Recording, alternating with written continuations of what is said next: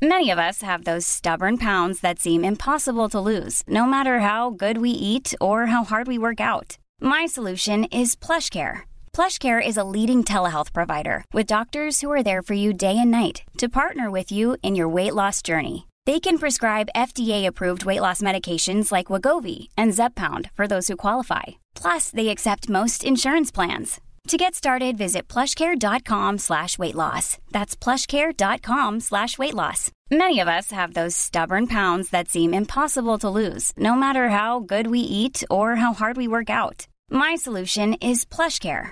PlushCare is a leading telehealth provider with doctors who are there for you day and night to partner with you in your weight loss journey. They can prescribe FDA-approved weight loss medications like Wagovi and Zepbound for those who qualify. Plus, they accept most insurance plans. To get started, visit plushcare.com slash weight loss. That's plushcare.com slash weight loss. A lot can happen in the next three years. Like a chatbot may be your new best friend. But what won't change? Needing health insurance.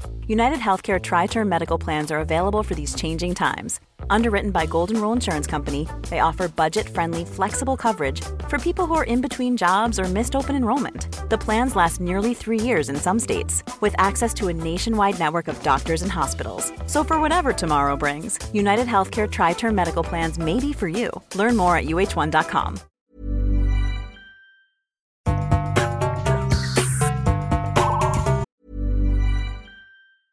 Ever catch yourself eating the same flavorless dinner three days in a row? Dreaming of something better? Well, HelloFresh is your guilt free dream come true, baby. It's me, Kiki Palmer. Let's wake up those taste buds with hot, juicy pecan crusted chicken or garlic butter shrimp scampi. Mm. Hello Fresh. Stop dreaming of all the delicious possibilities and dig in at HelloFresh.com. Let's get this dinner party started. There's never been a faster or easier way to start your weight loss journey than with PlushCare. PlushCare accepts most insurance plans and gives you online access to board-certified physicians who can prescribe FDA-approved weight loss medications like Wigovi and Zepbound for those who qualify. Take charge of your health and speak with a board-certified physician about a weight loss plan that's right for you. Get started today at plushcare.com slash weight loss. That's plushcare.com slash weight loss. plushcare.com slash weight loss. Hey, it's Ryan Reynolds, and I'm here with Keith, co star of my upcoming film, If, only in theaters, May 17th. Do you want to tell people the big news? All right, I'll do it. Sign up now and you'll get unlimited for $15 a month in six months of Paramount Plus Essential Plan on us. Mintmobile.com slash switch. Upfront payment of $45 equivalent to $15 per month. Unlimited over 40 gigabytes per month. Face lower speeds. Videos at 480p. Active Mint customers by 531.24 get six months of Paramount Plus Essential Plan. Auto renews after six months. Offer ends May 31st, 2024. Separate Paramount Plus registration required. Terms and conditions apply if rated PG.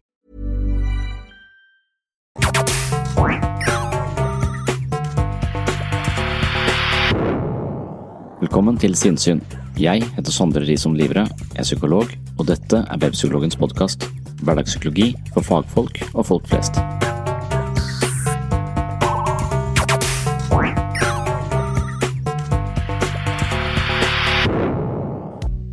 Denne episoden skal handle om den mest interessante boka jeg leste i 2018.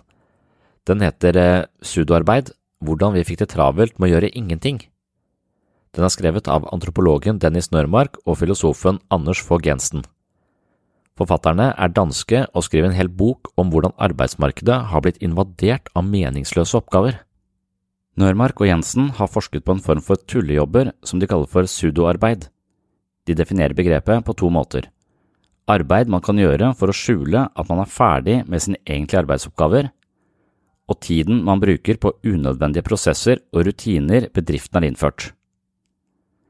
Jeg ble interessert i denne boka etter å ha lest en annen bok som het Bullshit Jobs av den amerikanske antropologen David Grieber. Grieber påstår at verden er full av bullshit-jobber som egentlig ikke gjør noe som helst forskjell. Det er meningsløse oppgaver som ofte er satt i sjøen av byråkrater som bestiller rapporter, utredninger og ønsker en oversikt over hva folk egentlig gjør på jobb.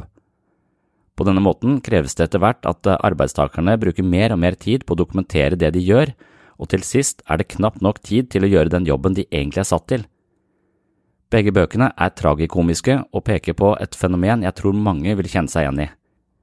Mye av det vi gjør på jobb er meningsløst, og Grieber mener det er en kombinasjon av flere faktorer som holder slike jobber i live. For det første vil ansatte sette sin egen jobb i fare dersom de hevder at den er bortkasta. Det kan også være vanskelig for de overordna å forstå hvor lite verdiskapning en stilling faktisk innebærer. I tillegg er samfunnet preget av en holdning som sier at alt arbeid er bra arbeid. Det er ikke viktig hva folk gjør, så lenge de gjør noe. Jeg har vært spesielt interessert i dette med henblikk på min egen arbeidsplass. I episode 107 på Sinnsyn snakket jeg om pakkeforløp fra helvete. I utgangspunktet har jeg en veldig meningsfull jobb som jeg elsker og interesserer meg for, men stadig mer av min tid blir brukt på standardiserte prosedyrer for utredning, dokumentering, krysse av i ulike bokser i journalsystemet og sørge for at eh, alle de administrative kravene er overholdt. Jeg drukner i administrasjon, pakkeforløp og dokumentasjon, og det stjeler tiden jeg kunne brukt sammen med pasienter. Det oppleves meningsløst, og jeg begynner å kjenne på en type ubehag som Nørmark og Jensen kaller for meningsløshetsstress. Av den grunn har jeg gått til verbalt og skriftlig angrep på min egen ledelse og helse- og omsorgsministeren Bent Høie. Det begynte med en kronikk som er gjengitt i Pakkeforløp fra helvete, og her fikk jeg svar av fire fra ledelsen i Klinikk for psykisk helse ved Sørlandet sykehus samt Bent Høie. Felles for disse svarene var mangel på ydmykhet og innsikt i problemets natur. De skrev formelt om alle de gode intensjonene med pakkeforløp i psykisk helse som skal redde liv, redusere ventetid, sørge for at alle pasienter får lik behandling og tilfredsstilt alle krav. Det høres flott ut, men hver gang en byråkrat lager en administrativ løsning på et problem på gulvet, risikerer man å generere flere problemer enn det man løser. Dette er en påstand jeg vil forsøke å begrunne gjennom denne episoden, og jeg vil snakke ganske spesifikt om sykehussystemet, men også litt generelt om fenomenet som altså kalles for bullshit-jobber eller sudoarbeid.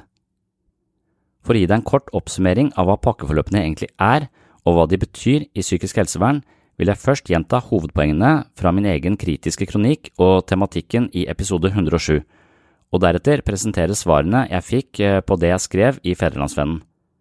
Her kommer først eh, kronikken jeg kalte for Pakkeforløp er skivebom, og så vil jeg gjengi klinikkledelsens svar og deretter Bent Høie sin kommentar. Så mens min eh, opprinnelige overskrift var pakkeforløp fra helvete, ble jeg heldigvis eh, korrigert på det av min eh, bedre halvdel, og overskriften på kronikken som da ble publisert i Fedrelandsvennen, den ble kalt for Pakkeforløp i psykisk helsevern er skivebom. Og slik går altså denne teksten. Jeg er psykolog og jobber på et DPS ved Sørlandet sykehus. Vi er andrelinjetjeneste og skal beherske spesialiserte metoder for ulike diagnoser, noe som ofte gjør at vi snever oss inn på en måte som sørger for at vi går glipp av bredden og dybden i pasientens problem. Min påstand er at en spesialist er en generalist.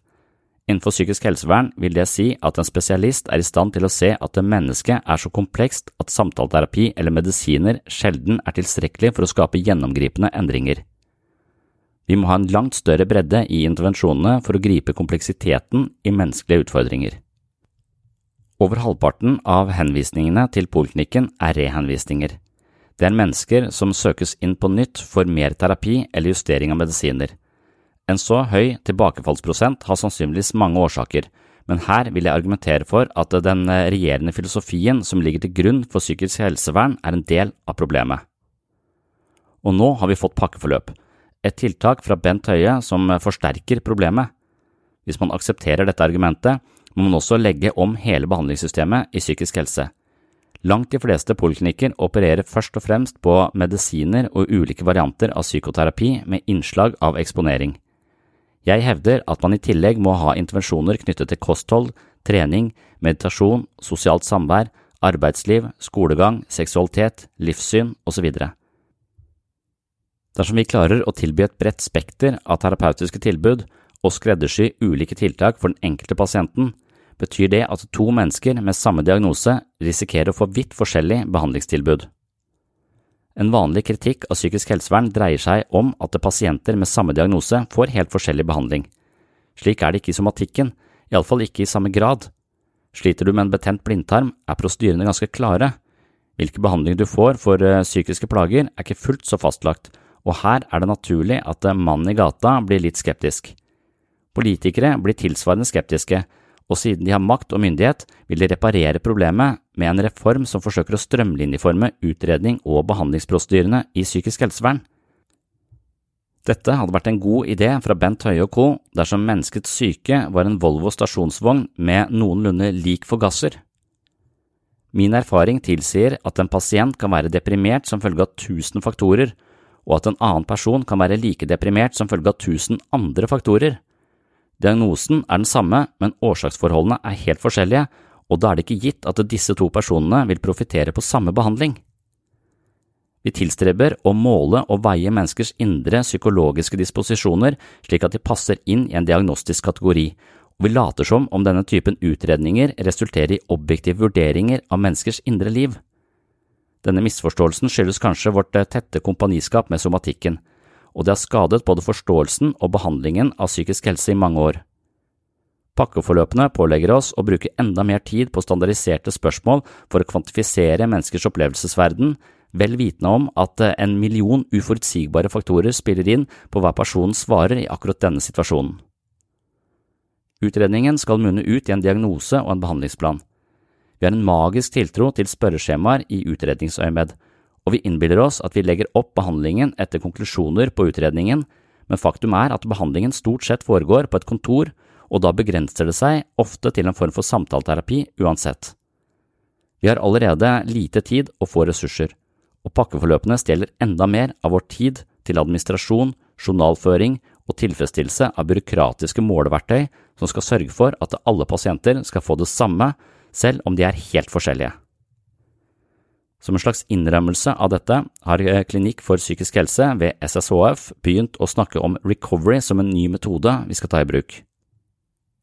Recovery er en behandlingsfilosofi med røtter i antipsykiatribevegelsen fra 60-tallet og den hevder at veien ut av psykiske lidelser som regel er sammensatt av veldig mange faktorer og tiltak, og at man må gi rom for mangfold og kreativitet i behandlingsforløpene dersom man skal lykkes med tilfriskning.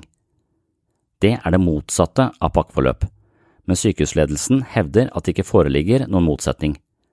Det er som å påstå at det ikke er noen motsetning mellom Frp og RV. Begge deler er politiske partier, men bortsett fra det har de helt forskjellige synspunkter på nesten alt. Psykisk helsevern lider av ordensmani hvor alt skal telles, skjematiseres og standardiseres, og pakkeforløpene spiller den samme melodien. Kanskje innser vi at menneskets syke ikke kan behandles som en Volvo eller en blindtarm, og dermed introduseres recovery som begrep for å legitimere en mer helhetlig forståelse og behandling av psykiske plager.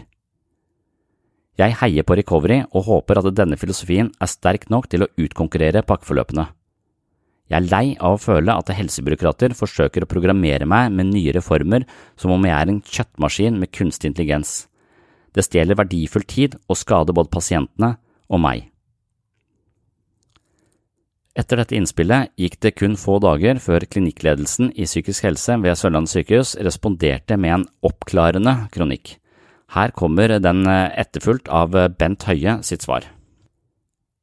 Overskriften på kronikken til eh, sykehusledelsen var eh, Pakkeforløp – en gavepakke for pasienter med psykiske lidelser. Og de legger ut som følger. Fredag 3. mai sto klinikken Pakkeforløp i psykisk helsevern skrevet av psykologspesialist Livrød i Fedrelandsvennen.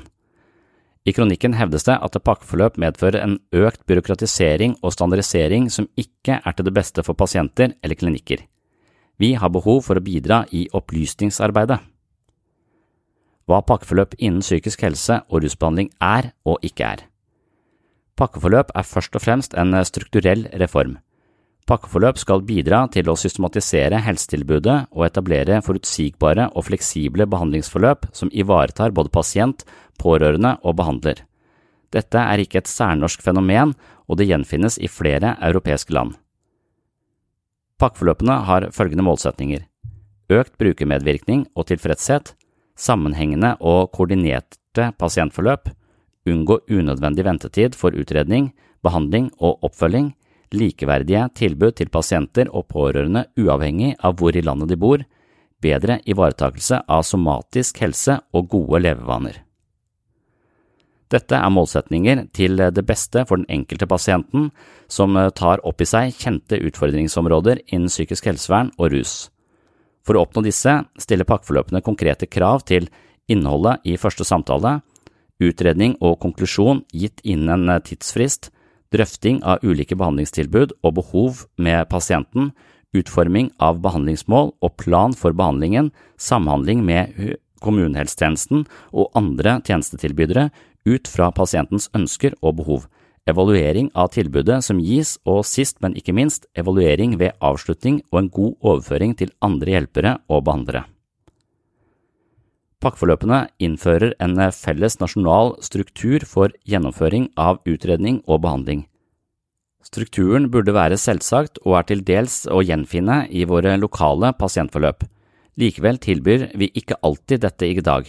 Grunnen til variasjon er nok sammensatt, men er knyttet til både kapasitet, tidskrav og faglig forståelse.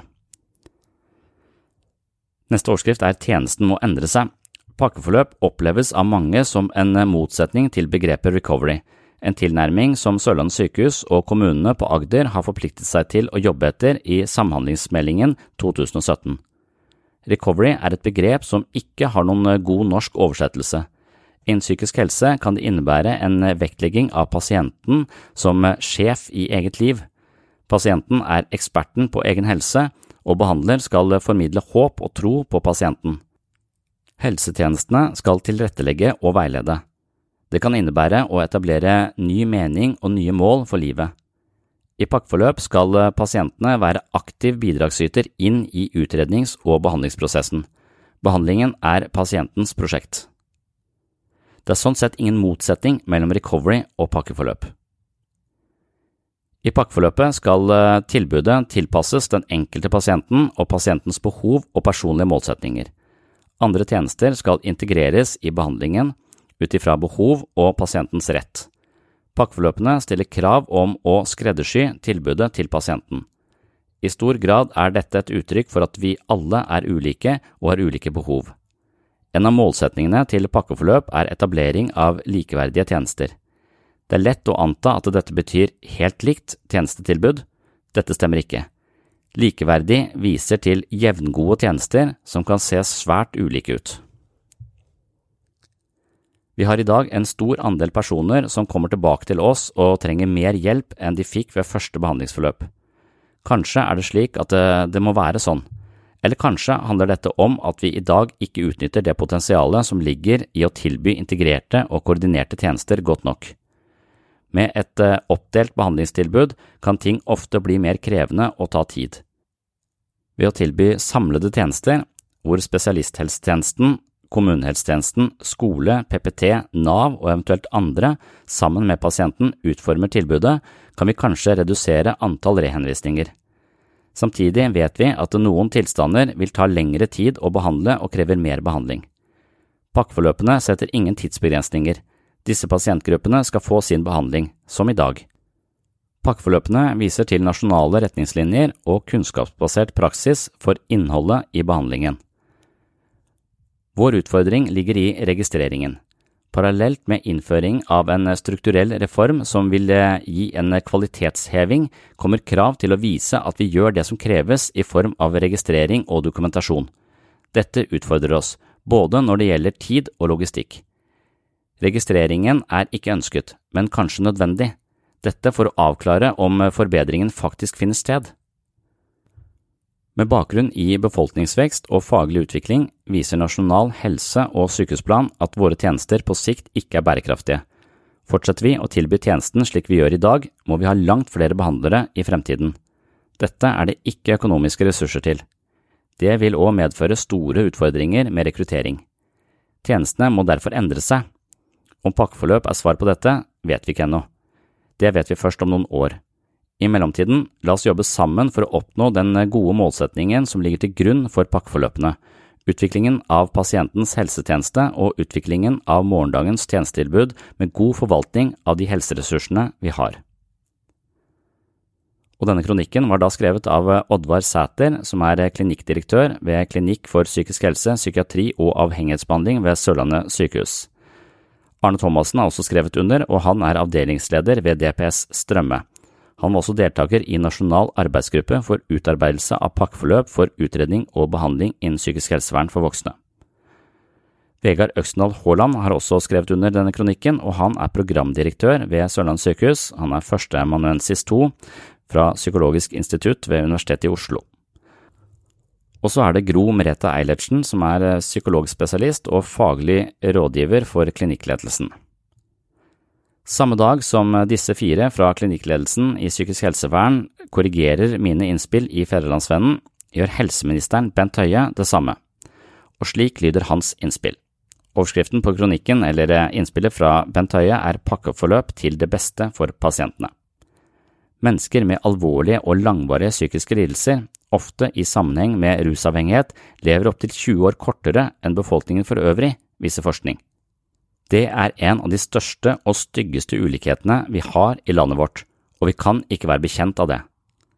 Dette har vært mye av min motivasjon for å innføre pakkeforløp innen psykisk helse og rus.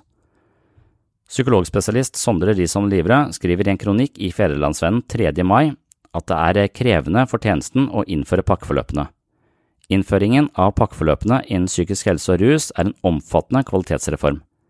Dere som jobber med dette, gjennomfører en betydelig kvalitetsreform, og det tar selvfølgelig mye tid og oppmerksomhet. Samtidig kan vi ikke la være å løfte tilbudet til dem som har sammensatte lidelser. Det er også de som har størst behov for at tjenestene samarbeider. I tillegg til forhåpentligvis eh, lengre levealder, skal pakkeforløpene også bidra til å løse flere av dagens utfordringer som uønskede variasjoner i ventetid, utredning og behandling. Enkelt sagt er pakkeforløpene god praksis satt i system. De innfører verktøy som hjelper oss til å organisere tjenestene på en bedre måte. Mange har vært med på å utarbeide de nye pakkeforløpene. Det har vært eh, et tett samvirke med brukere, pårørende og alle de relevante tjenestene. Noen fagfolk har eh, vært bekymret for at pakkeforløpene skal eh, føre til strømlinjeformet behandling som ikke er tilpasset den enkelte pasienten. Dette er innspill vi har tatt på stort alvor i arbeidet med forløpene. Vi har sørget for at de ikke skal gå ut over individuelle behov. Pakkeforløpene setter rammen for behandlingen. Hva som skjer innenfor denne rammen og hvordan det skal skje, er i stor grad opp til pasienten og behandleren. Pårørende skal også involveres. Pasienten selv er en viktig ressurs. Å involvere pasienten i behandlingen gjør ikke bare at han eller hun føler seg sett og hørt, det gjør behandlingen bedre. Derfor er brukermedvirkning viktig i pakkeforløpene. Pakkeforløpene har anbefaling om bruk av feedback-verktøy, slik at pasientene kan gi tilbakemeldinger og behandlingen justeres. Psykiske lidelser og rusavhengighet oppleves ulikt, derfor må behandlingen alltid tilpasses den enkeltes behov. Målet med pakkeforløp er blant annet økt brukermedvirkning og brukertilfredshet. Det er også et mål at pasienten skal oppleve et bedre koordinert forløp både i spesialisthelsetjenesten og i kommunehelsetjenesten. I pakkeforløpene får alle pasientene sin egen forløpskoordinator som skal være pasienten og pårørendes kontaktperson. Forløpskoordinatoren skal eh, være med og sikre sammenhengen i pasientforløp og oppfølging uten unødvendig med ventetid. Jeg setter stor pris på den innsatsen helsetjenesten legger ned i arbeidet med pakkeforløpene for psykisk helse og rus. Jeg får tilbakemeldinger på at mange er kommet svært godt i gang. Dette er en viktig del av pasientens helsetjeneste. Så det var det Bent Høie hadde å si til mitt innledende innspill i forhold til pakkeforløpene, og etter disse småarrogante svarene fra toppledelsen fyra jeg meg enda mer opp.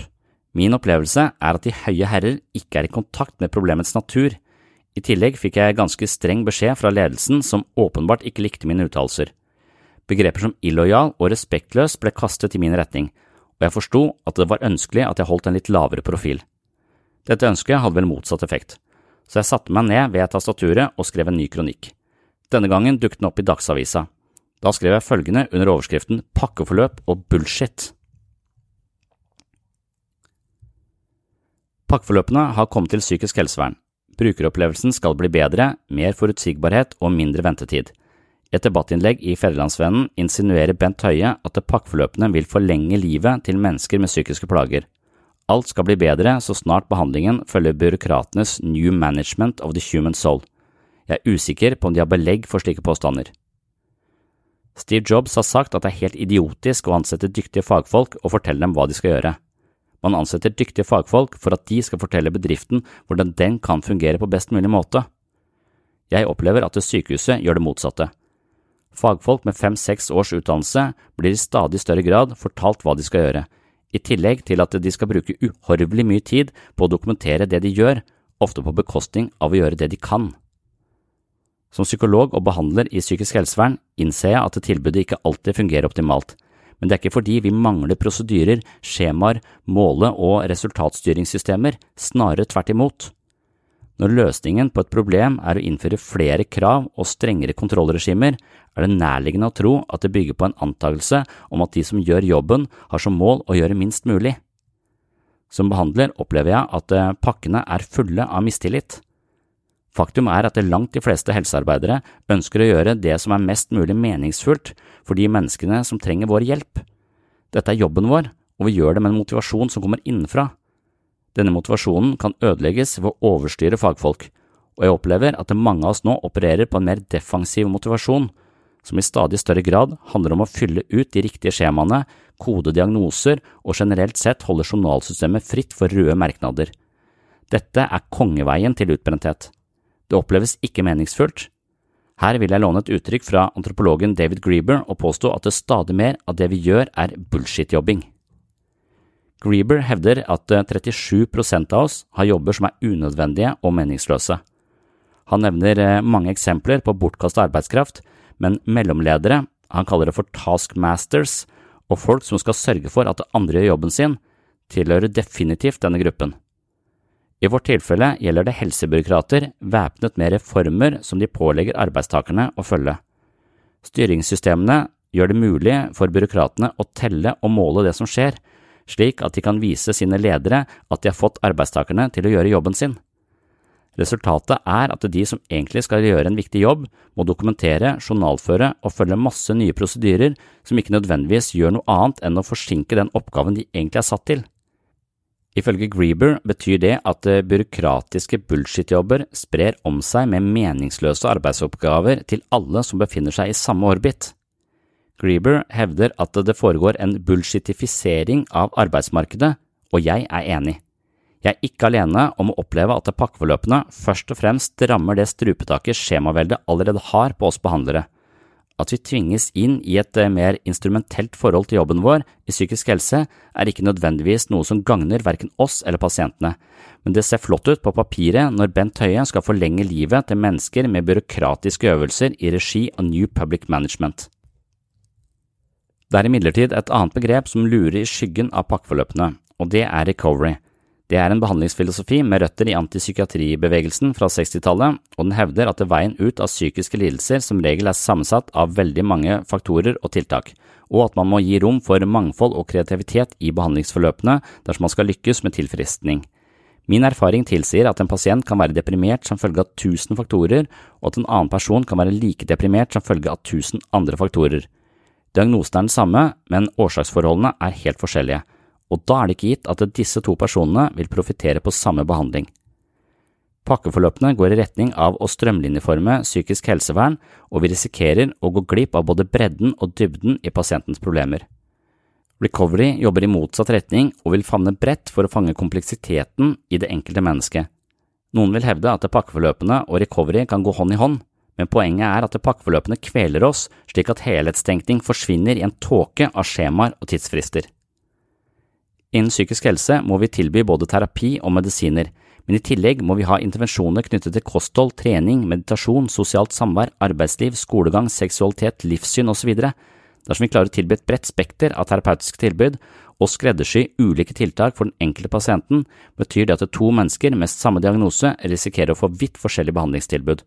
Dette forvirrer byråkrater som liker den typen orden man finner ved et samlebånd. Somatiske problemer er ofte mer avgrensa og kan profitere på pakkeforløp, men psykisk helse er kvalitativt annerledes. Det er sikkert fornuftig å pakke inn en ondarta svulst, men ikke menneskets syke. Jeg er takknemlig for at DPS Solvang ved Sørlandet sykehus tillater meg å intervenere bredt. Jeg opplever at min jobb er ekstremt meningsfull. Jeg vil kjempe for at vi i psykisk helse kan bruke vår ekspertise på å drive recovery-basert behandling, men etter at vi har tilfredsstilt alle pakkeforløpkrav, takstinger, beslutningspunkter og prosedyrer, er tiden ute. Det er som å si at vi som er spesialister på området, står fritt til å gjøre det vi mener er best, men uten oksygen er det helt umulig. Gi oss flere ressurser på behandlersiden, ikke mer byråkratisk gymnastikk, det kan forlenge liv.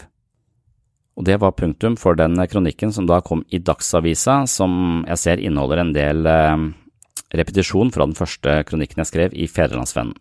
Men siden dette var en ny avis og saken hadde rullet videre, så var det viktig å få med en del av disse hovedpoengene.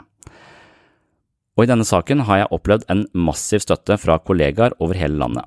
Jeg har aldri fått så mange mail med støtte og bekreftelse på at folk kjenner seg igjen og er lei av den byråkratiske overstyringen av psykisk helsevern og vår faglighet. I sosiale medier var også støtten enorm, noe jeg satte stor pris på. Likevel var ikke alle mine kollegaer enige med meg, og to av dem skrev et eh, motsvar i Dagsavisa.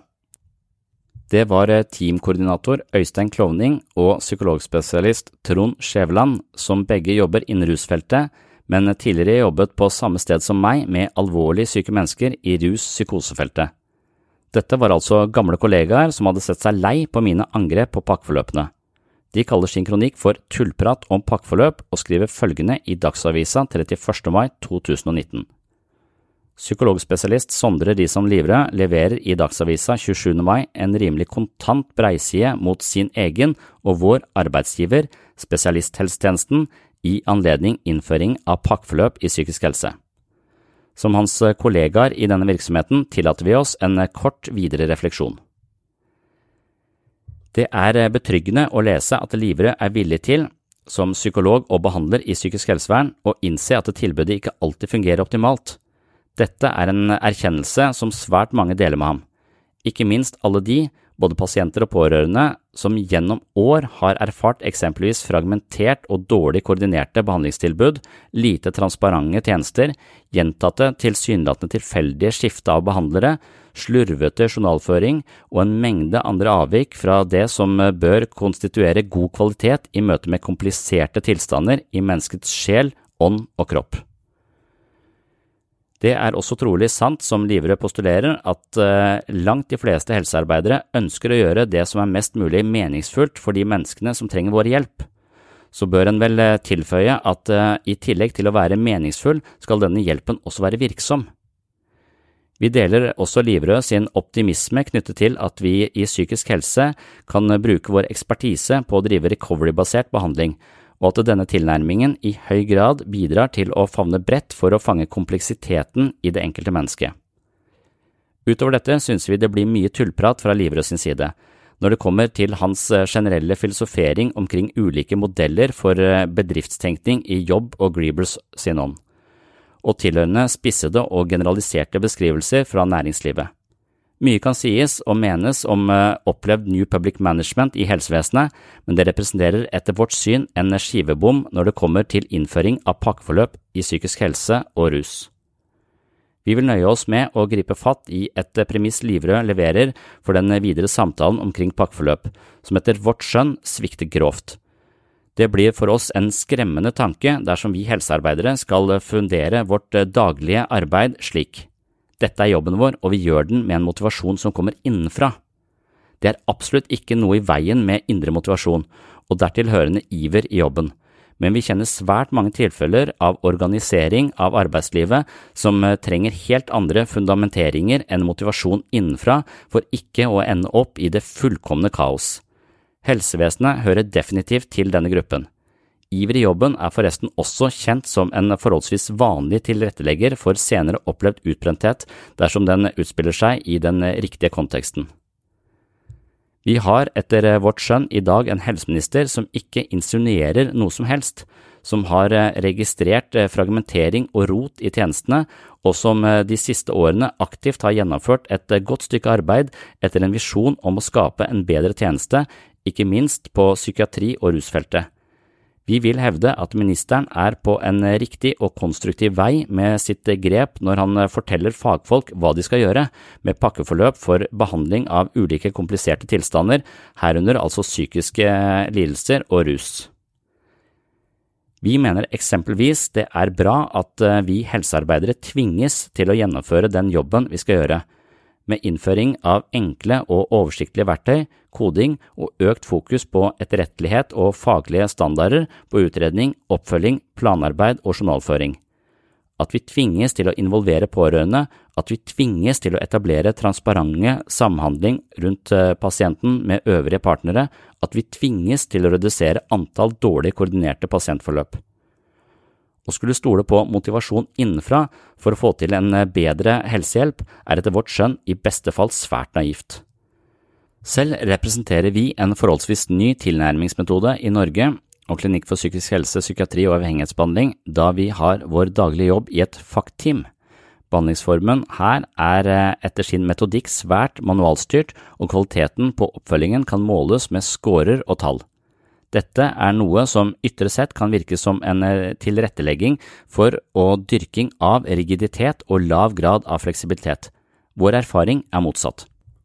Manualen sikrer eh, tvert imot fleksibilitet, den gir rammer for kreativ utførelse, basert på forskning som viser hvilke fremgangsmåter som har høyest sannsynlighet for å hjelpe dem som hjelpes skal. Manualen setter altså grenser for hvilken grad vi kan gjøre det vi liker best, til fordel for å gjøre det som fungerer best for pasienten. På denne måten tvinges helsearbeidere til å gjøre jobben sin, med blant annet et bredt recovery-fokus, slik jobben er tenkt å gjøres. Eksempel vår pasientgruppe har kortere levetid enn den generelle befolkningen. Dersom pakkeforløpets krav til koordinering mellom spesialisthelsetjeneste og kommune på feltet somatisk helse etterleves, vil dette med høy grad av sannsynlighet kunne lede til signifikant økt livslengde. Dette er noe helt annet enn at Bent Høie skal forlenge liv til mennesker med byråkratiske øvelser i regi av New Public Management. Den tvinger oss faktisk til å se levd liv fra flest mulig vinkler på en gang, på daglig basis. Derfor kom pakkeforløpene i starten av 2019 som et eh, velkomment tilskudd til verktøykassen for vår del, og som en bekreftelse på at det er eh, helsepolitisk ønske om å forebygge det som litt summarisk kan beskrives som slubbertpraksis, der dette skjer. Vi regner med at Livrød med sine kreative og beundringsverdige bidrag til buketten av behandlingstilbud i psykiatrien, som vi kjenner til, som vi beundrer og har den største respekt for, også har et ønske om å unngå slubbertpraksis. Vi kan faktisk ikke engang se at Livrød sin polikliniske produktutvikling står i motstrid til intensjonen i pakkeforløpet, tvert imot.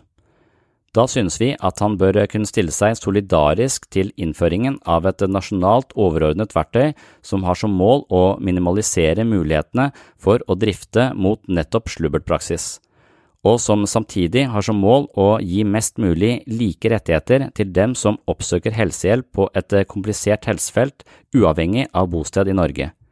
Det er ingen liten ambisjon ministeren har, verktøyet som kommer til å trenge tid for å fungere slik det er tenkt. Vi vil mene at eh, den som har jobben sin i spesialisthelsetjenesten, deler et eh, felles samfunnsoppdrag med sine kollegaer. Å være med fra hver sin kant og bidra til høyest mulig kvalitet på at eh, våre tjenester blir best mulig. Med respekt å melde, det blir for dumt å kalle denne prosessen for bullshit. Etter vårt syn har vi i helsevesenet fortjent det fokuset som pakkeforløpene innebærer. Vi skal vel som helsearbeidere rett og slett ha mer fokus på pasientens velbefinnende enn vårt eget. Og det var punktum for kronikken til eh, Klovning og Skjæveland. Og de eh, sier mange ting her, og mye av det er litt småprovoserende for, for min del. Så denne kronikken forbløffer meg altså litt men den blottlegger sannsynligvis også noen forskjeller i menneskesyn. For meg høres det ut som Trond Skjevesland og Øystein Klovning baserer seg på en forståelse av mennesket som homo economicus.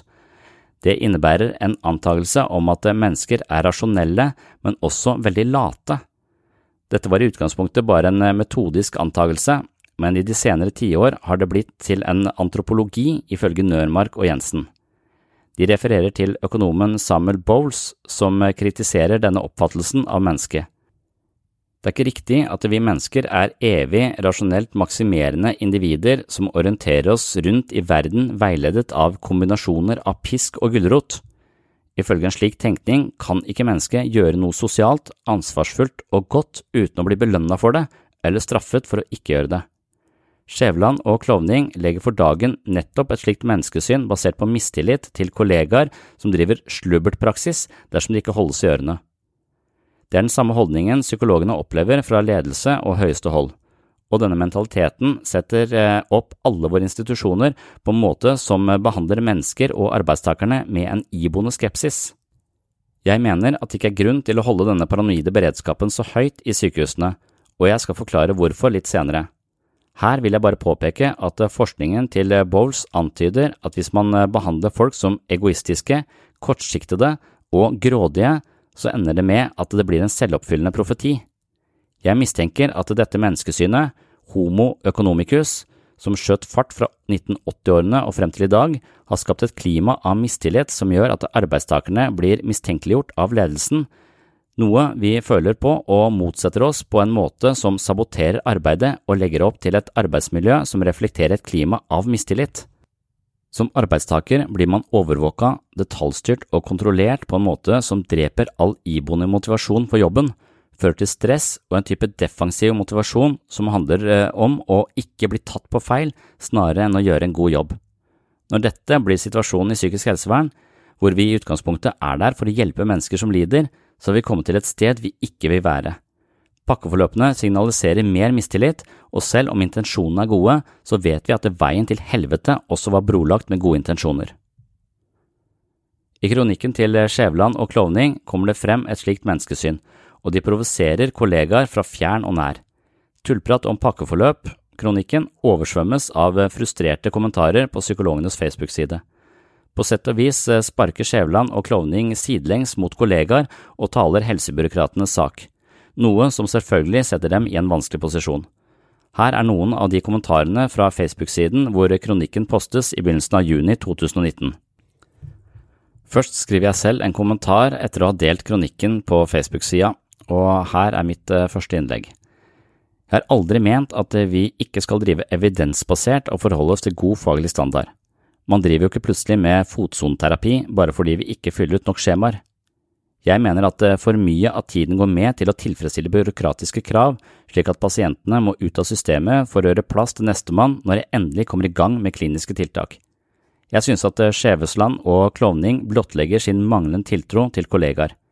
Hvis ingen holder oss i ørene og detaljstyrer innholdet i de seks første samtalene med en ny pasient, er vi helt uberegnelige og finner på alt mulig vås. Slik kjenner ikke jeg psykologstanden og mine kollegaer. De er dyktige fagfolk som gjør en god jobb selv om de ikke tvinges inn i formen til Bent Høie. At man som psykolog forsvarer New Public Management som ok styringsform i psykisk helse og sykehusene generelt, synes jeg er merkelig. Heretter følger en rekke kommentarer, og jeg vil gjengi noen av dem uten å nevne forfatternes navn, ettersom de er hentet fra en lukket Facebook-gruppe. Etter at jeg har skrevet dette, følger en rekke kommentarer, og jeg vil gjengi noen av dem uten å nevne forfatternes navn, ettersom de også er hentet fra en lukket Facebook-gruppe. Kommentar 1 Nå har ikke jeg så mye erfaring med å møte dårlige terapeuter, men jeg tipper at dårlige terapeuter vil alltid være dårlige terapeuter. Uansett hvor mye ytre struktur og rammer det blir presset på rundt, så vil det ikke nytte særlig. Det er tross alt ikke mangel på måter å erverve seg kunnskap i feltet vårt, utdanning, kurs, bøker, veiledning osv.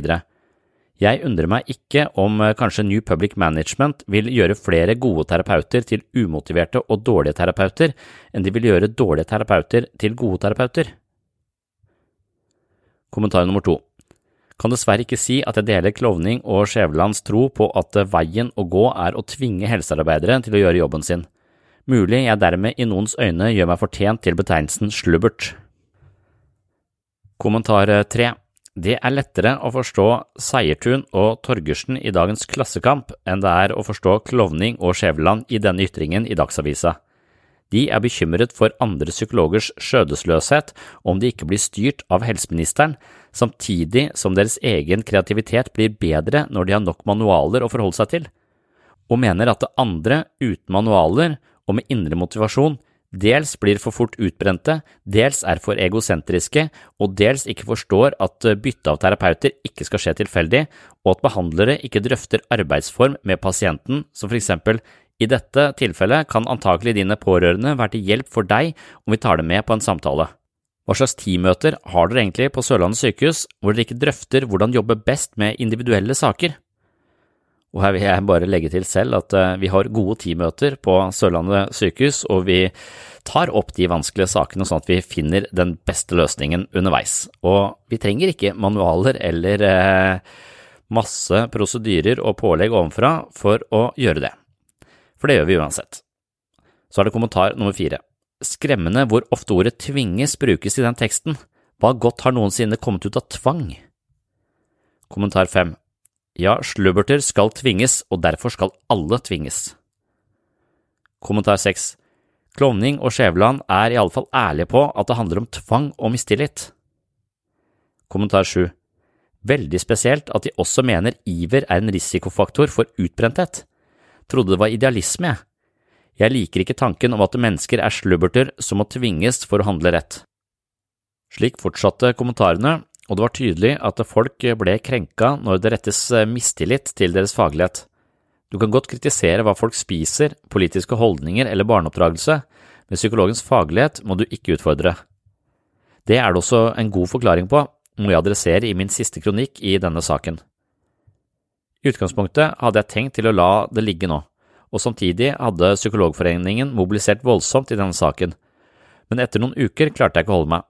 Jeg skrev en ny kronikk hvor jeg først og fremst eh, snakker direkte til Bent Høie, og håper at han leser det, men indirekte snakker jeg også til Klovning og Skjæveland.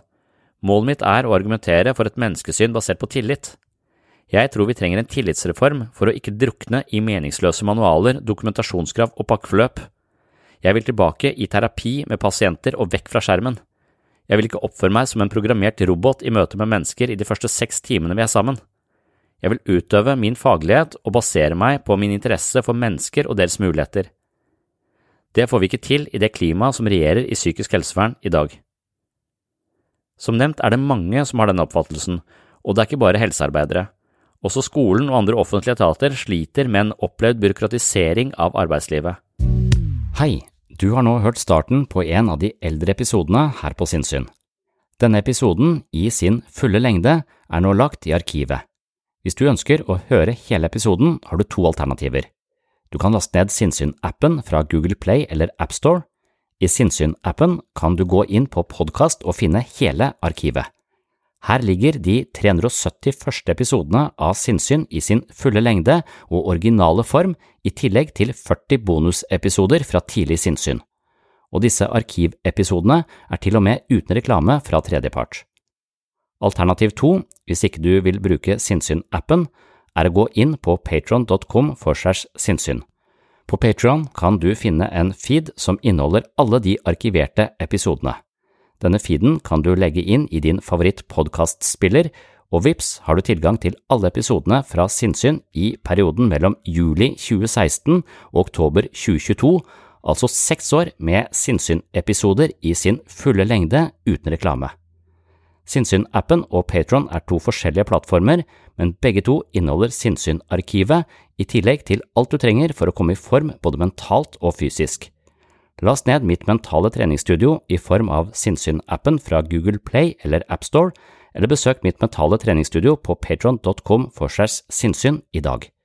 Da kan du høre videre her du slapp, eller finne andre interessante temaer fra psykologiens verden. Og du, tusen takk for at du hører på Sinnssyn.